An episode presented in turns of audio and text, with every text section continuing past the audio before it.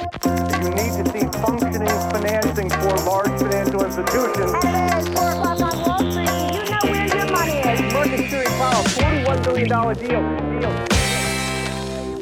Den senaste tiden har det pratats om eh, USA ganska mycket, kanske inte konstigt. De har klarat coronapandemin desto bättre än många andra ekonomier. Ni vet, jag brukar tjata. Sverige, bank, verkstad, Tyskland, kemi, fordonsindustri, USA, tech, 26% S&P 500, 39% Nasdaq, det har ni hört redan sedan tidigare. Men i det här avsnittet så tänker jag att vi ska blicka lite mera österut.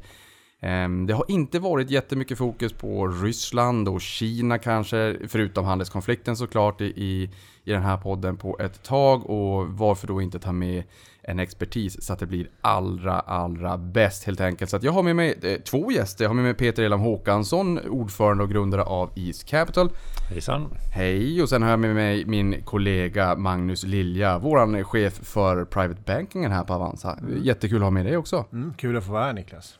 Riktigt kul att ha dig. Jag tänker att vi, vi bara backar bak tillväxtmarknader. Vi börjar från början. Varför äga tillväxtmarknader överhuvudtaget? Om man som eh, jag tror på tillväxt så klart man ska finnas i tillväxtmarknader. Det säger ju sig självt med bara namnet. Men om man blickar lite mer än så så kan man säga att det är ju där tillväxten också skapas i världen. Det är inte- inte den största delen av BNP i världen men det är också den största delen av BNP-tillväxten i världen.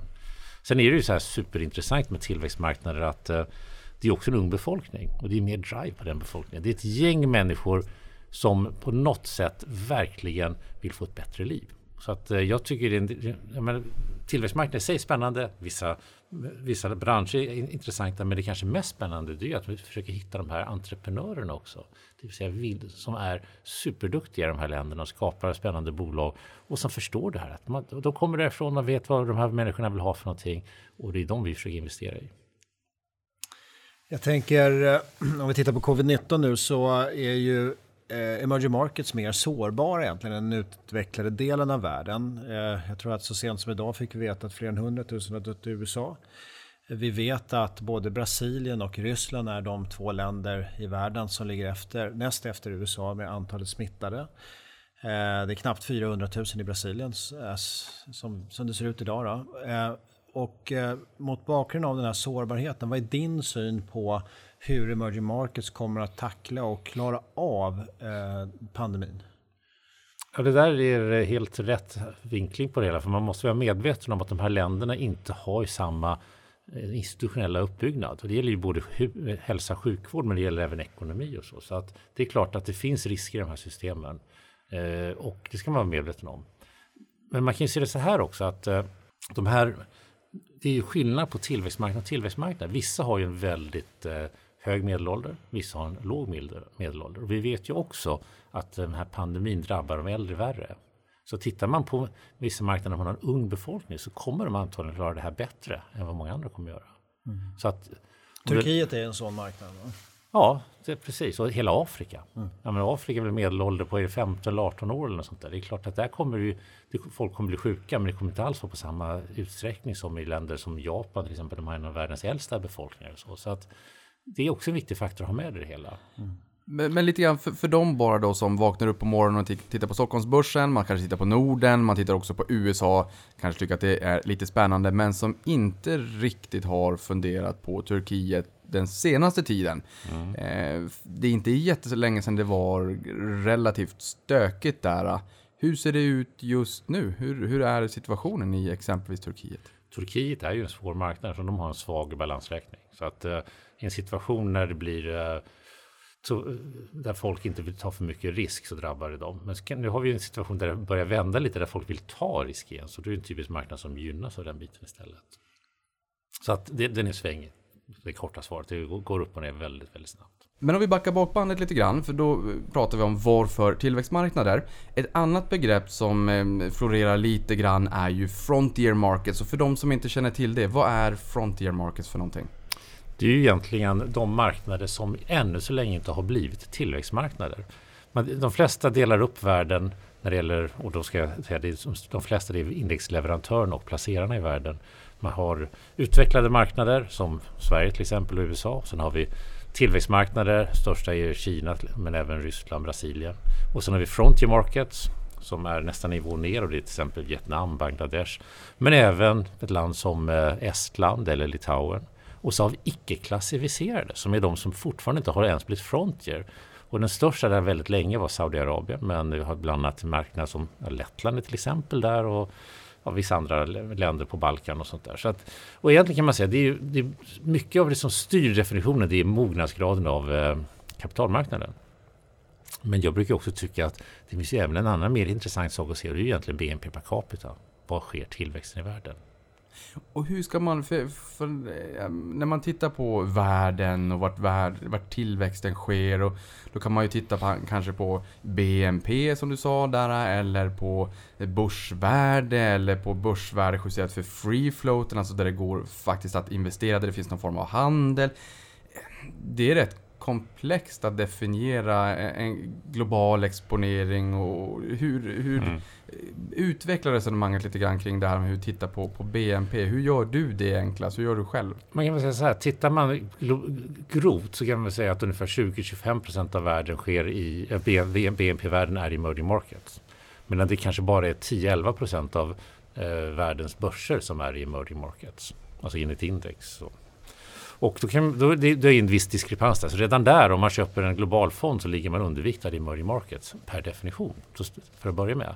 Sen vet vi också att några av världens största investerare till exempel stora Sovereign Wealth Fund, de tittar på ett annat perspektiv. De, de ser hur ser BNP ut om säg 30 år. Och så börjar de bygga portföljen enligt den modellen istället. Så att det finns massa olika varianter. Men det som jag alltid är beskälld av det är att fånga tillväxten. Frågan är vad kommer tillväxten ske de närmaste åren? Det är där du vill ligga viktad. Både när det gäller bransch men även mark- äh, land. Jag tänkte vi skulle gå tillbaka lite grann till eh, de stora emerging markets, Brasilien och Ryssland. Två eh, råvaruberoende ekonomier helt och hållet. Eh, vad är din syn på Brasilien respektive Ryssland vad gäller just eh, kopplat till oljan och oljans fortsatta väg? Hur, hur länge klarar man sig? Vilket beroende finns och så vidare? Vad är skillnaderna och likheterna mellan Brasilien och Ryssland i det avseendet? Den, den stora skillnaden är egentligen att Brasiliens olja är mestadels i, i, havet och det är en djuphavsolja, väldigt dyr att ta upp medan eh, större delen av den ryska oljan sker på land och eh, till väldigt låga utvinningskostnader. Och sen har man också väldigt stor eh, gasreservoar, alla gasreservoarer. Så att det är både olja och gas som är superviktigt för, eh, för Ryssland. Och eh, Ryssland är ju en, väl, en, en enormt stor producent, alltså i absoluta tal också. Jag tänker också på när Ryssland gick ifrån OPEC plus-mötet där i, i, mars, vilket egentligen var det som utlöste kanske den oljepriskollapsen som vi sen såg under den kommande månaden. Och då tänker jag lite grann på den kulturella aspekten då på hur ryssar eh, rent kulturellt uppträder och liksom hur de hur de tänker. I, det vill säga, finns det win-win situationer eller handlar det om ett maktspel och att man måste visa sig stark? Skulle du kunna beskriva hur du ser på det? Ja, det där är ju en bra beskrivning. Rys Ryssland är ju verkligen ett land där, där man vill vara stark. Och det är klart att Ryssland som nation har ju haft ett behov av att komma tillbaka i världen och komma tillbaka till centrum av världen. Man, man var ju en superstor spelare fram till kalla krigets slut och sen har man ju försökt hitta sin position igen. Och det, det, är väl någonting som finns där i bakhuvudet ofta i situationer där man förhandlar om att man vill bli tagen på allvar. Man vill helt enkelt bli en, eh, en spelare att räkna med både när det gäller ekonomi men även när det gäller politik. Och ekonomi är ju svårare. Man har ju försökt komma tillbaka men eh, råvaruberoendet har, gör ju att man fortfarande inte liksom har fått byggt upp kanske den riktigt st stora styrkan. Men en sak, apropå det här med ekonomisk styrka som man kanske glömmer bort ibland, är att Ryssland är ett av världens starkaste länder när det gäller hur balansräkningen ser ut. Man har väldigt låga skulder, man har en stor eh, kassa och man, man är ju rätt väl rustad eftersom många av de som leder Ryssland idag var ju med om kaoset efter kommunismens fall och har, mm. det har präglat dem att de är försiktiga. Ryssland har ju gynnats mycket egentligen sen eh, den valutajusteringen, eh, eller man släppte valutan 2014 då.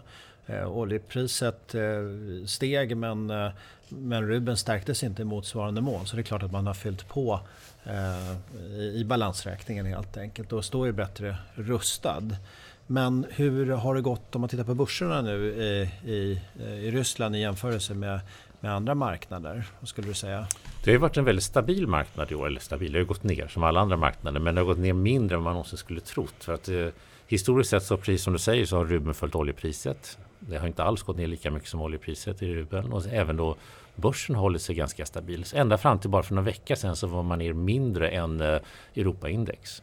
Alltså Västeuropaindex då. Så att eh, nu, nu har ju Västeuropaindex varit väldigt starkt de senaste dagarna i, med de nya paketen som kommer här och allt, allt annat. Men vad vi ser som är kul i Ryssland också det är att vi ser en aktieägarkultur som håller på att växa fram. Det finns ju spelare som Avanza även där och det gör att många människor öppnar aktieägarkonto Eh, räntan på sparkonton har gått ner, man söker andra alternativ och vi ser mycket pengar som kommer in i börsen från lokala ryssar. Mm, spännande. Jag tänker nu på politisk risk och eh, Ryssland och ryska aktier handlas ju åtminstone historiskt eh, typiskt på någonstans ett P mellan 6,5 och 8. Vad tror du kommer hända där om du blickar framåt lite grann? Ska vi fortsätta handla på P8 eller, eller jakten på yield? Kommer den göra att man faktiskt ser större intresse att kliva in i Ryssland och prissätta den ryska risken på ett annat sätt? Jag, jag tror ju det, men jag är lite optimist när det gäller Ryssland också, ska jag villigt erkänna. ja, du är lite jävig. jag är lite jävig. Men det som, är, det som är kanske intressant, om vi pratar historik, som är spännande med Ryssland, det är att historiskt sett så var man dåliga på att dela ut pengar till aktieägarna i form av direktavkastning. Man var kanske en av de sämsta i emerging market-världen. Nu är man bäst i emerging market-världen. Så att man har fortfarande kanske samma värdering p-talsmässigt, men man har helt andra eh, direktavkastningar. Så direktavkastningen ligger i många fall upp mellan 7 till 10-11 procent på de stora bolagen. Och det är ju inte dumt. Nej, men jag tycker att det där är jätteintressant. Jag menar, vi svenskar vi är ju aktietokiga. Vi är förmodligen ett av världens mest aktietokiga folk. Stockholmsbörsens förra VD Lauri Rosendahl säger att finnarna är näst eh, näst mest tokiga, fast de är ju kanske lite duktiga på sport också. De får det. Det här eh, aktiekulturen, oerhört intressant. Hushållen börjar investera, vilket också sätter ytterligare en front mot Putin kan jag tänka mig. att Man kan ju inte heller bete sig riktigt eh, hur som helst, och nu pratar jag inte om Putin utan marknaden i, i sig, för att det påverkar ju då det ryska folket och inte bara de utländska investerarna. Eh, trenden med att allt fler människor börjar investera på den ryska börsen, för att historiskt och för de som inte är investerade i Ryssland Ehm, eller kanske har varit det tidigare men inte har varit det på ett tag. Då tänker man jätteberoende av oljepriset och hög korruption. Vad, vad har hänt de senaste åren och vad har lett till den här renässansen, den här vågen av allt mer hushåll som börjar gå in på börsen? Man kan ju säga att eh, Ryssland har ju blivit mer och mer ett normalt land i form av att man har byggt upp en medelklass. Och framförallt en medelklass i städerna som har det ganska bra trots allt. Det är ju väldigt låga personliga skatter. Eh, det är eh, fortfarande rätt låga allmänkostnader i form av eh, vatten, el och sådana saker. Så det gör att mycket, man kan behålla en, en väldigt stor del av sin disponibla inkomst. Och det, folk, folk vill, vill, vill, investera i det. Och också i takt med att vi hitt, hittat nya entreprenörer. Jag pratade om entreprenörer tidigare. Det är de vill, vill ha och hitta. Och du hittar spännande bolag som, vi pratar ofta om Yandex. Det är ju ett, ett spännande IT-bolag i Ryssland. Men även spännande eh, detaljhandelsbolag som X5 och Magniti, duktiga entreprenörer som har startat dem också. Det finns en rad nya bolag som folk känner igen. För det är ofta det man tycker är kul när man väldigt många människor äger Apple-aktier för de äger en Apple-telefon. Och på, det är samma sak i Ryssland. Du hittar bolag och varumärken som du känner igen. För, för, när man tänker ryska börsen, oljeberoendet eh, och jag tänker, men ni är ju stockpickers. Eh, och jag menar, får man en, en, indexexponering mot Ryssland så är det ju mycket oljebolag, kanske mycket statligt, man kommer ju inte ifrån det. Om vi tittar i år 2020, coronapandemin, börsnedgångarna, börskrascherna kanske.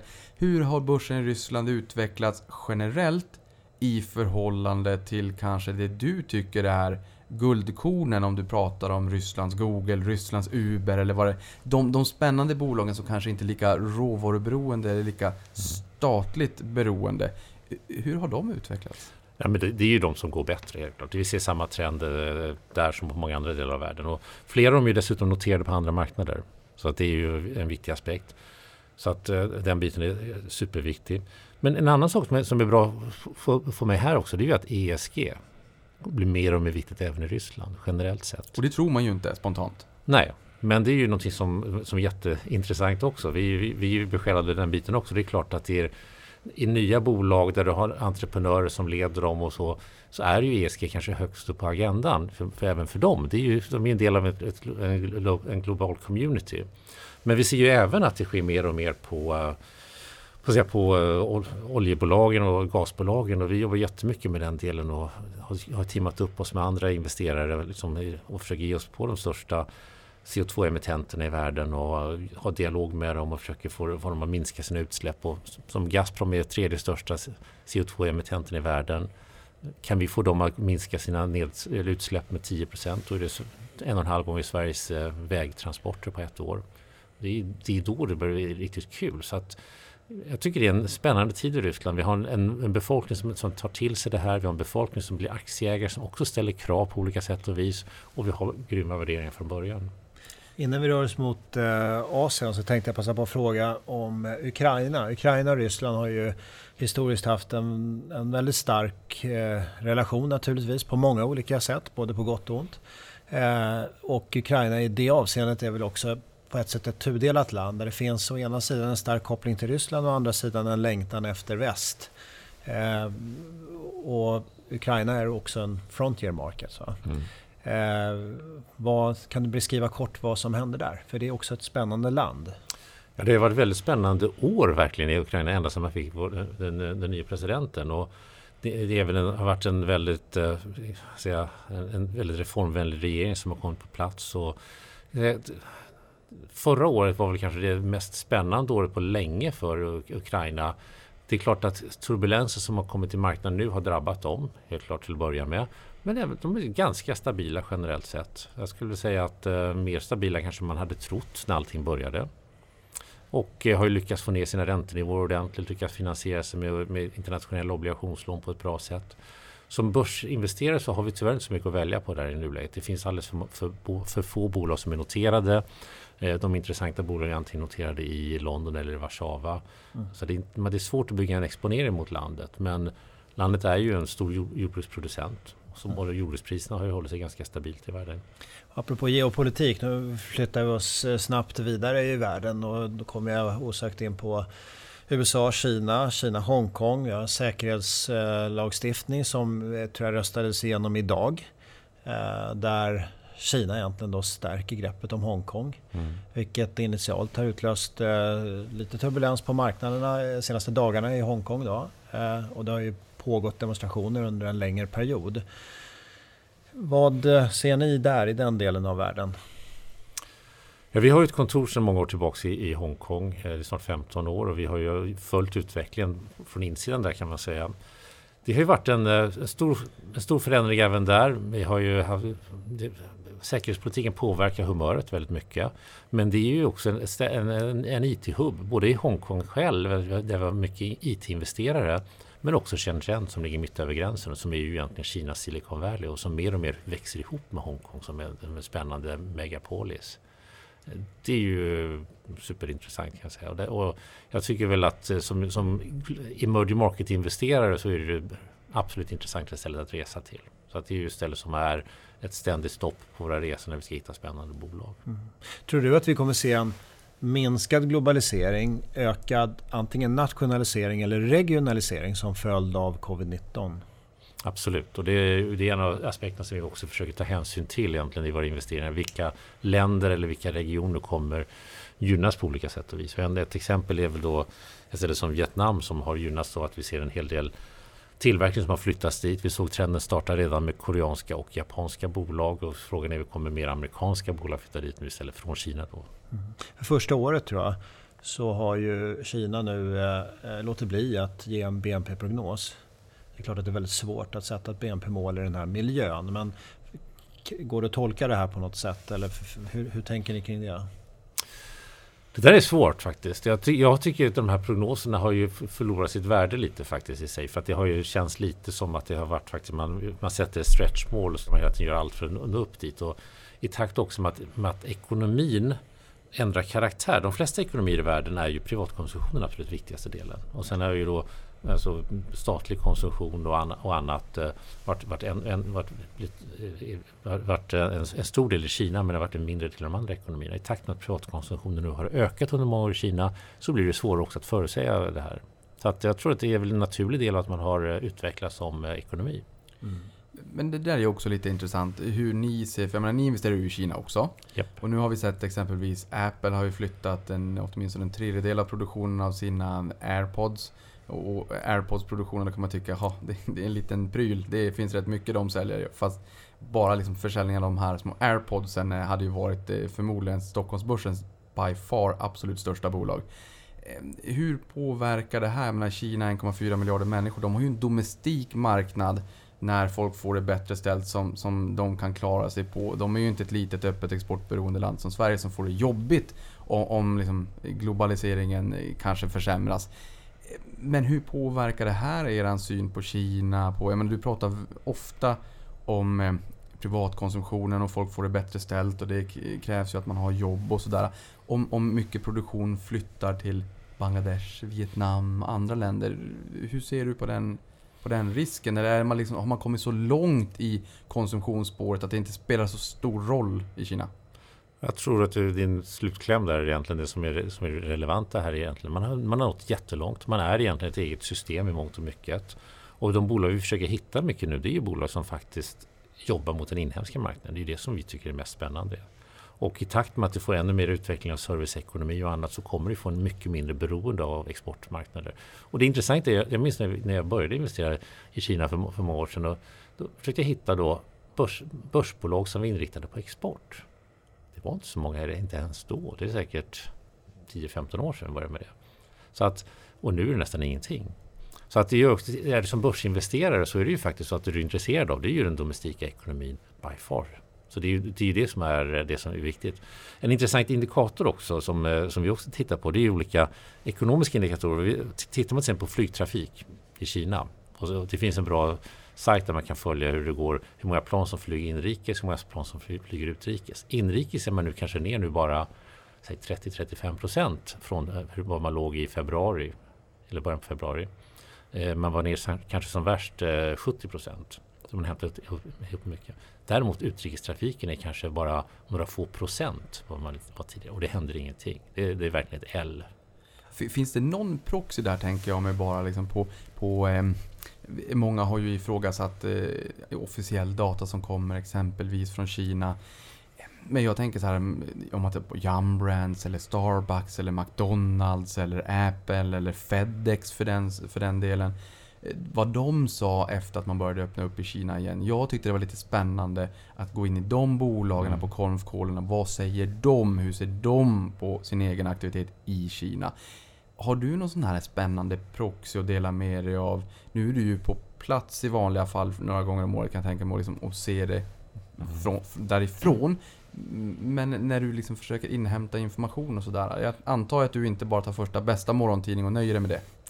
Nej, men det är lite som du säger. Jag har ju älskat att titta på de här eh, brands som är internationella som har en indirekt exponering. Och det, är så, det tycker jag är jätteintressant i nästan alla emerging markets. För då, har du ju, då får du en mer objektiv bild. Och jag tycker Yum till exempel är jätteintressant i sig. Den är ju, den är ju super Kina-influerad på många sätt och vis. Men just nu så tittar jag framförallt på den här flygstatistiken. För jag tycker den säger en hel del just om viljan att vilja röra på sig. Och det är intressant att se då att, att lite som vi var inne på med regionalisering och nationalisering. Att, eller nationella trender. Att man, man, man, man rör på sig men man rör sig inom Kina.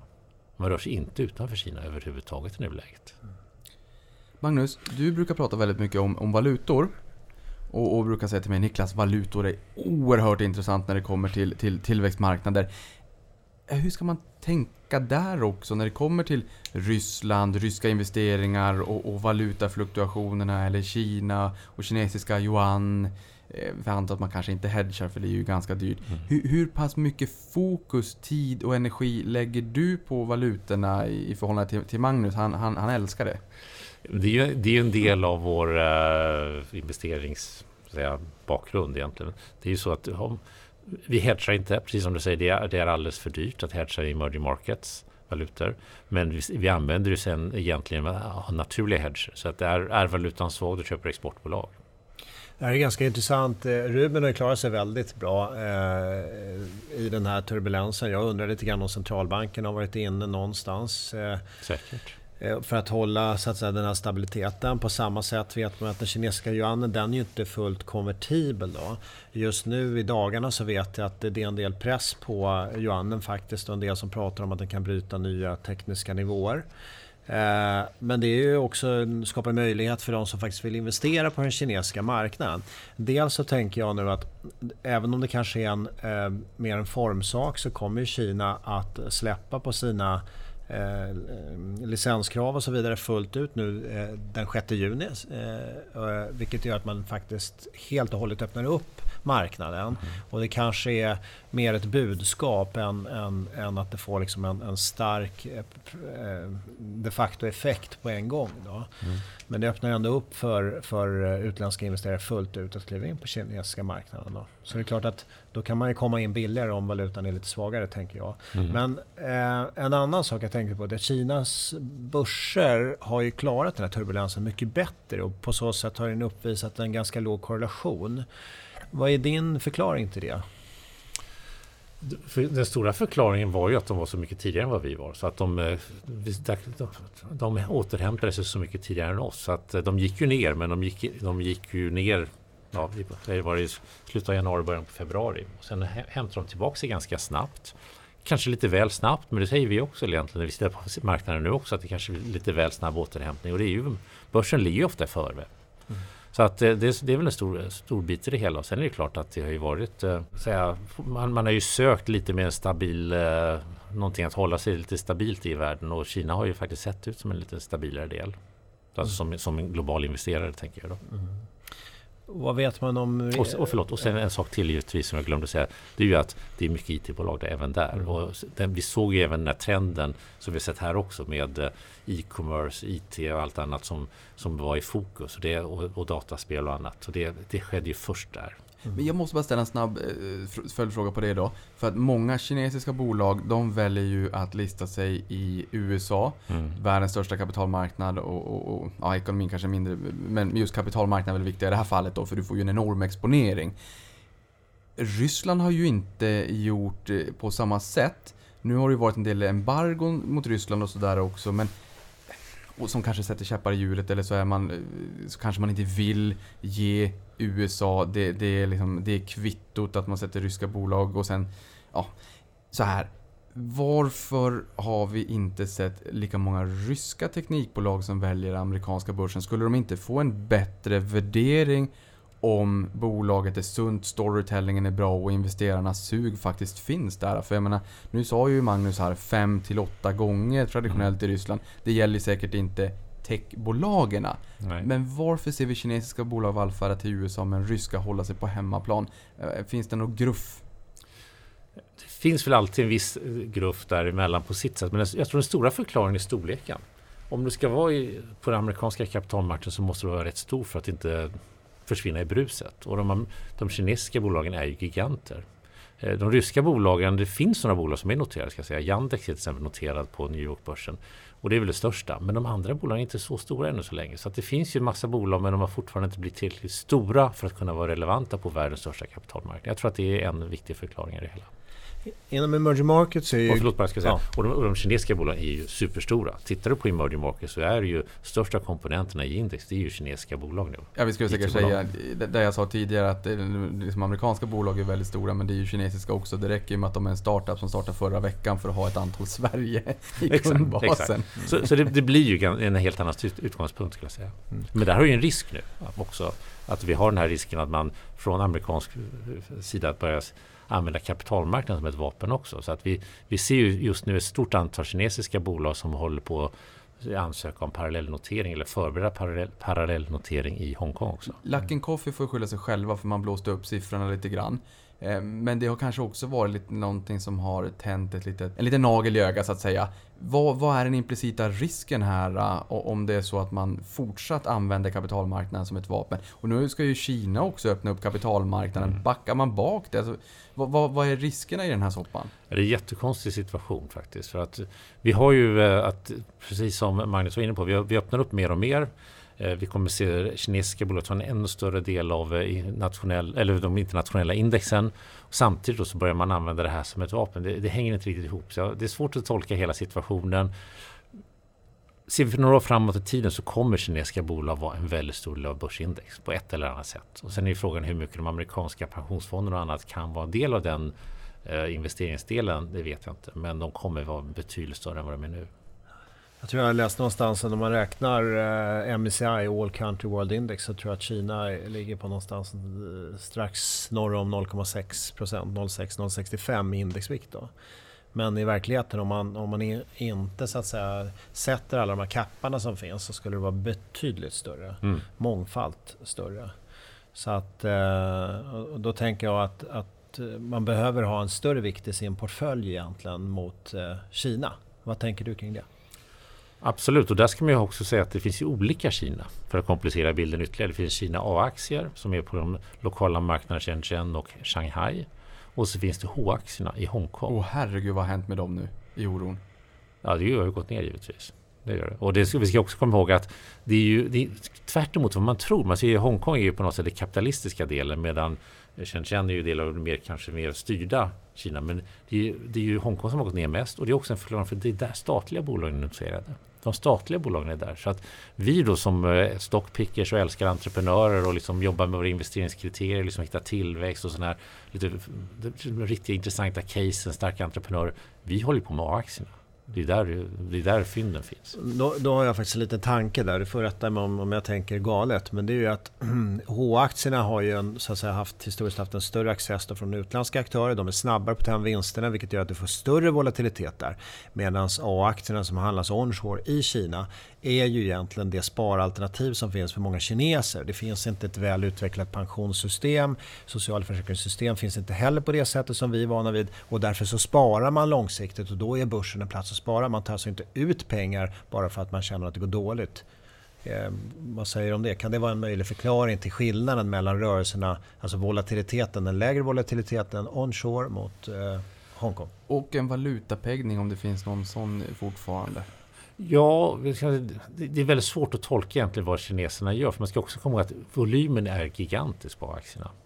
Och det är mycket daytraders. Så frågan är ju liksom, vad är definitionen på att man tar ut det? Att det ligger kvar på sitt aktiekonto och att man håller på och köper och säljer hela dagen fram och tillbaka. Eller att man liksom säljer aktien. Så att det är en marknad med, där folk verkligen håller på jättemycket och handlar. Och det har vi sett också i coronatider att börserna har ju gått upp där och börsvolymen har gått upp där också. Jag tänkte på en annan sak vad gäller emerging markets och det är governance. Eh, och framförallt som investerare och inte minst som stockpicker så är, så är governance väldigt viktigt. Då. Och det blir kanske ännu viktigare i, ett, i takt med att man öppnar upp marknaderna för internationell genomlysning. Hur, eh, hur jobbar ni och du med, med governance-frågor i, i, i er så att säga, selektionsprocess? Ja, det, hela ESG-delen där G står för governance är ju den stora käpphästen för oss och som vi har jobbat med eh, ända sedan dag ett. Och det kan vi säga att när vi började investera i svåra marknader som precis hade privatiserat sig efter Berlinmurens fall så var ju det viktigaste att börja med ägaren. Vem var det som ägde det här bolaget? Är det någon vi kan lita på eller ej? Och det är fortfarande så vi tänker. Är det ägare som, som vi tycker är intressanta och som vi litar på?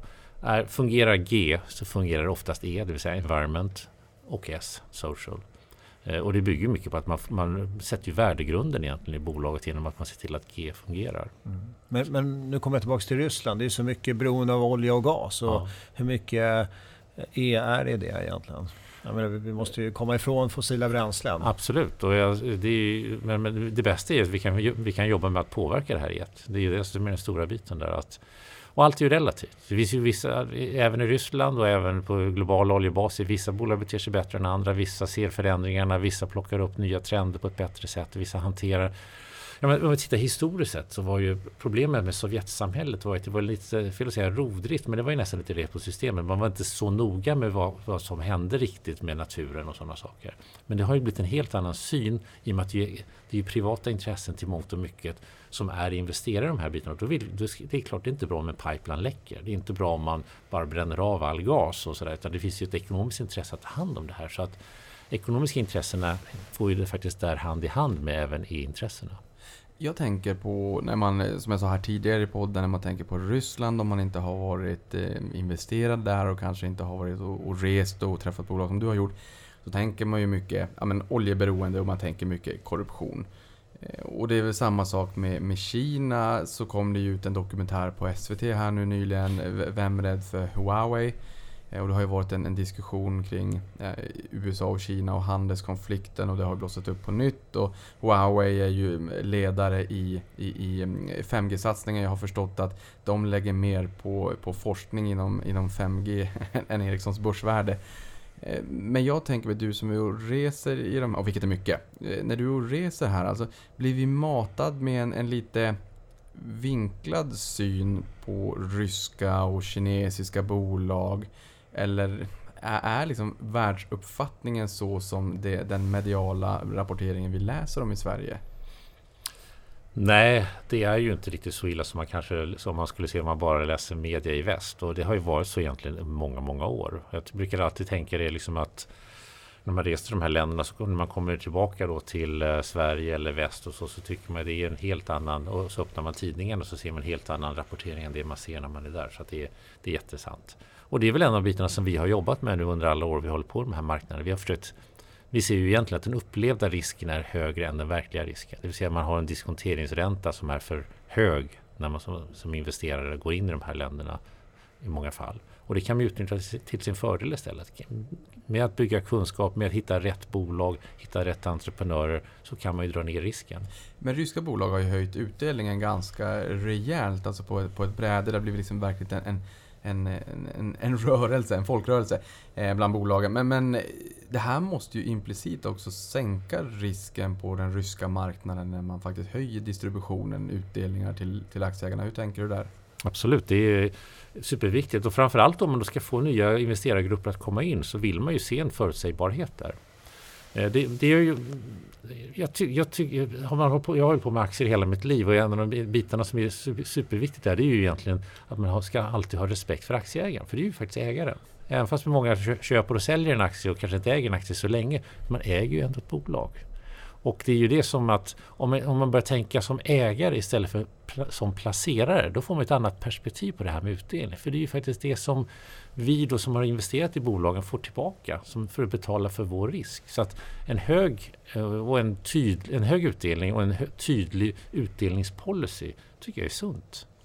Och där måste jag också bara fråga, vad är skillnaden idag när, eh, när det är många ryska hushåll som är inne på börsen då och inte bara utländska investerare? På marginalen och signalvärdesmässigt och att man inte vill straffa sin egen befolkning och man, man liksom håller sig i skinnet. Hur har det förändrat eh, risken i, i marknaden?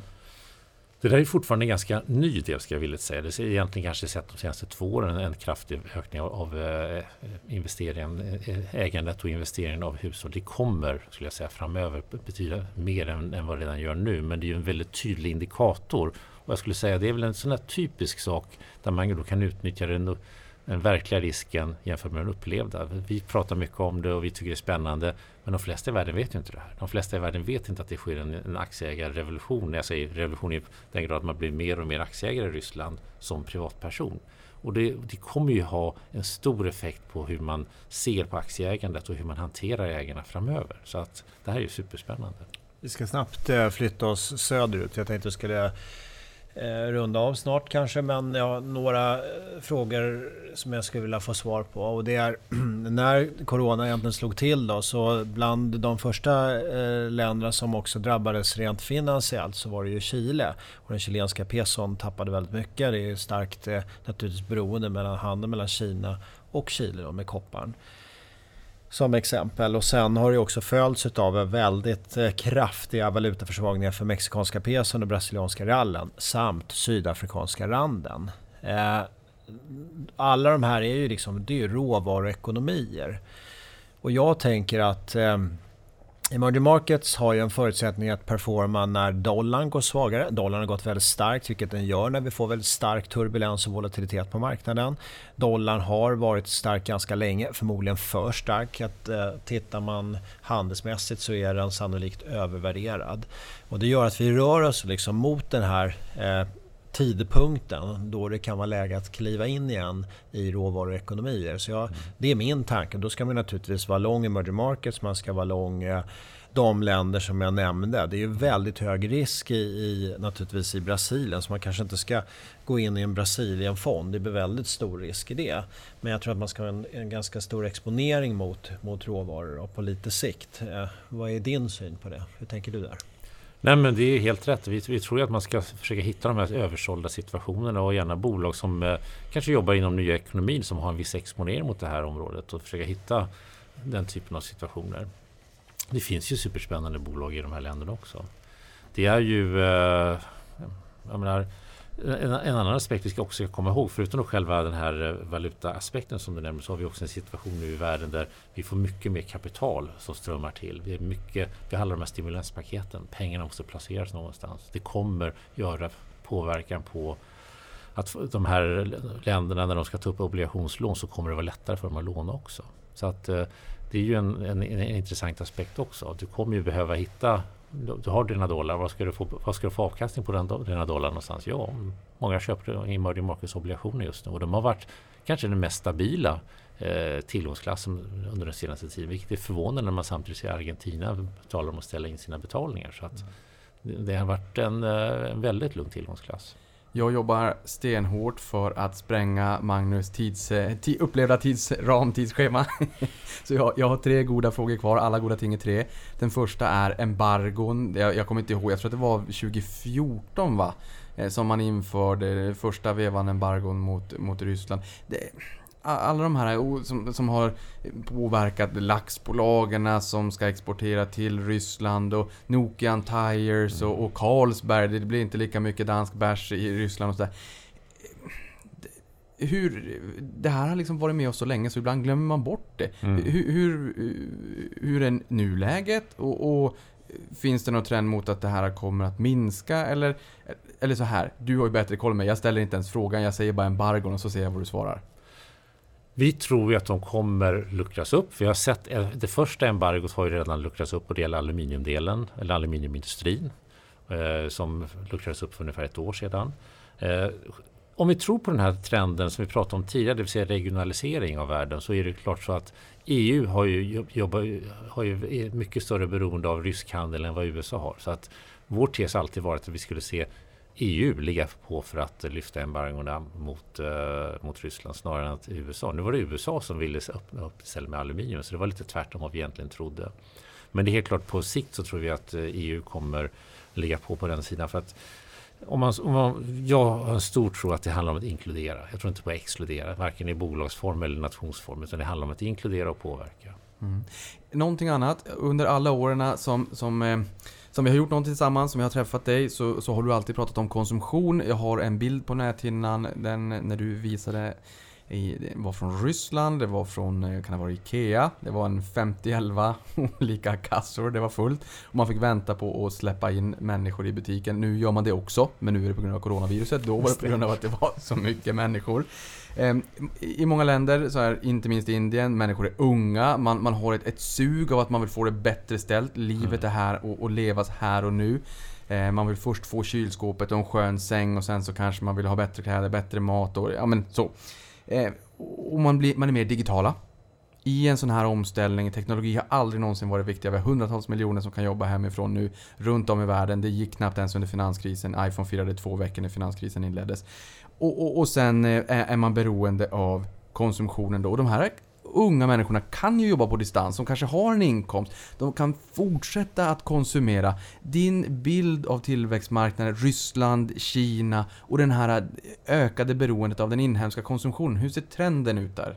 Ja, trenden är glasklar, den fortsätter hela tiden. Och det är ju det som egentligen är spännande också med, med världen just nu, att du har ju så stora likheter mellan länderna. Tidigare var det stora olikheter, men i och med att en sån stor del av världen urbaniseras så blir ju drivkrafterna densamma, aspirationerna blir de samma, eller aspirations och eh, entreprenörerna är också väldigt lika. Så att vi ser, vi ser det här. Det, det, var ju en av anledningarna när vi började gå in i nya marknader att vi såg ju faktiskt, det var ju samma trender överallt. Och det fortsätter vi se.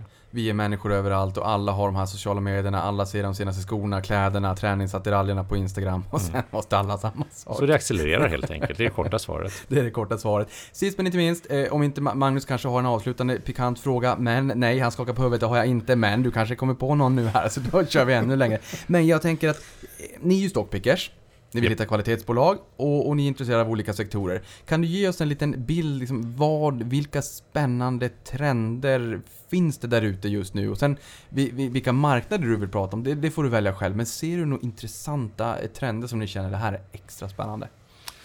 Vi har ju faktiskt täckt ganska mycket av det som vi tycker är spännande. Jag tycker det är superintressant när vi får en, en större governance-fråga som, som vi haft som jag nämnt som case i, i Ryssland där vi ser ett tryck från mer och mer in- privatinvesterare som kommer förändra bilden på governance forever. Jag tycker också det är superintressant att se hela tech-trenden som vi ser som ett gott exempel på vad som händer i Kina. Där vi ser, tidigare var det ju så lite mer att man tittade på USA för att hitta nya idéer. Nu är det snart faktiskt Kina som leder väldigt mycket av de nya idéerna. Och kanske, kanske symptomatiskt att en av de hetaste apparna blir TikTok istället. för att nå- någonting från USA, typ Instagram eller ja, något annat. Så att det är ju, tycker jag, sign of the times. Och det är väl en ganska enkel sammanfattning på det hela. Vi, vi tror att governance kommer vara ännu viktigare som en del av ESG-frågor. Och eh, jag tror också att vi kommer att se mer tech-fokus going forward. Ett tecken i tiden. Magnus, har du någon, någon fråga på lut? Jag tror jag har frågat tillräckligt idag. Men Då du frågar tackar. tillräckligt, då tar jag din fråga. Det här är den absolut sista frågan. Det här var perfekt annars att, att liksom wrappa ihop det här, men, men det gör vi inte. Därför att vi har en sista intressant fråga och det är ju OPEC plus då. Det är liksom eh, när allt det här, när man inte kom överens och vi såg oljepriser falla till minus 37 dollar fatet på amerikanska VTI-oljan. Det har varit lite funderingar kring vem som satt på med S i rockärmen och vem som satt på jokern. Rysslands del i det hela i OPEC plus. Eh, vad, vad ser du den, liksom, den politiska maktbalansen? Magnus var in på det här tidigare. Men, men deras, eh, finns det en vilja att sätta dit USA för att eh, pressa ut marginalutvinningen inom shale? Jag tror definitivt det finns en aspekt av den biten. Att man är lite Ja, man, har, man har en helt annan produktionskostnad i både Saudiarabien och i Ryssland. Sen tror jag att hela den här eh, nedgången blev ju mm, mer kraftig än vad man någonsin hade väntat sig. Man förstod kanske inte riktigt effekten eller kanske inte såg effekten av både corona och eh, priskriget. Den sammanlagda eh, säga, cocktailen som det gav blev ganska giftig om man ska uttrycka det på det sättet. Men, eh, nej, men det, det är klart att du har en helt, du har en mycket starkare situation i både Ryssland och Saudi än vad, rys, vad amerikanerna har produktionskostnadsmässigt. Jag hade inte velat dricka den cocktailen. Det är lite grann, den här podden är lite grann som en cocktail också. Det är tre olika ingredienser i den här. Det har varit superkul att ha med er. Magnus, jätteroligt. Eh, Peter Elam Håkansson, eh, fin gäst. Stort tack för att du var med i podden och lärde oss lite mer om Ryssland och Kina. Tack, jättekul att vara med igen. Tack Niklas. Och stort tack för att du lyssnade på det här.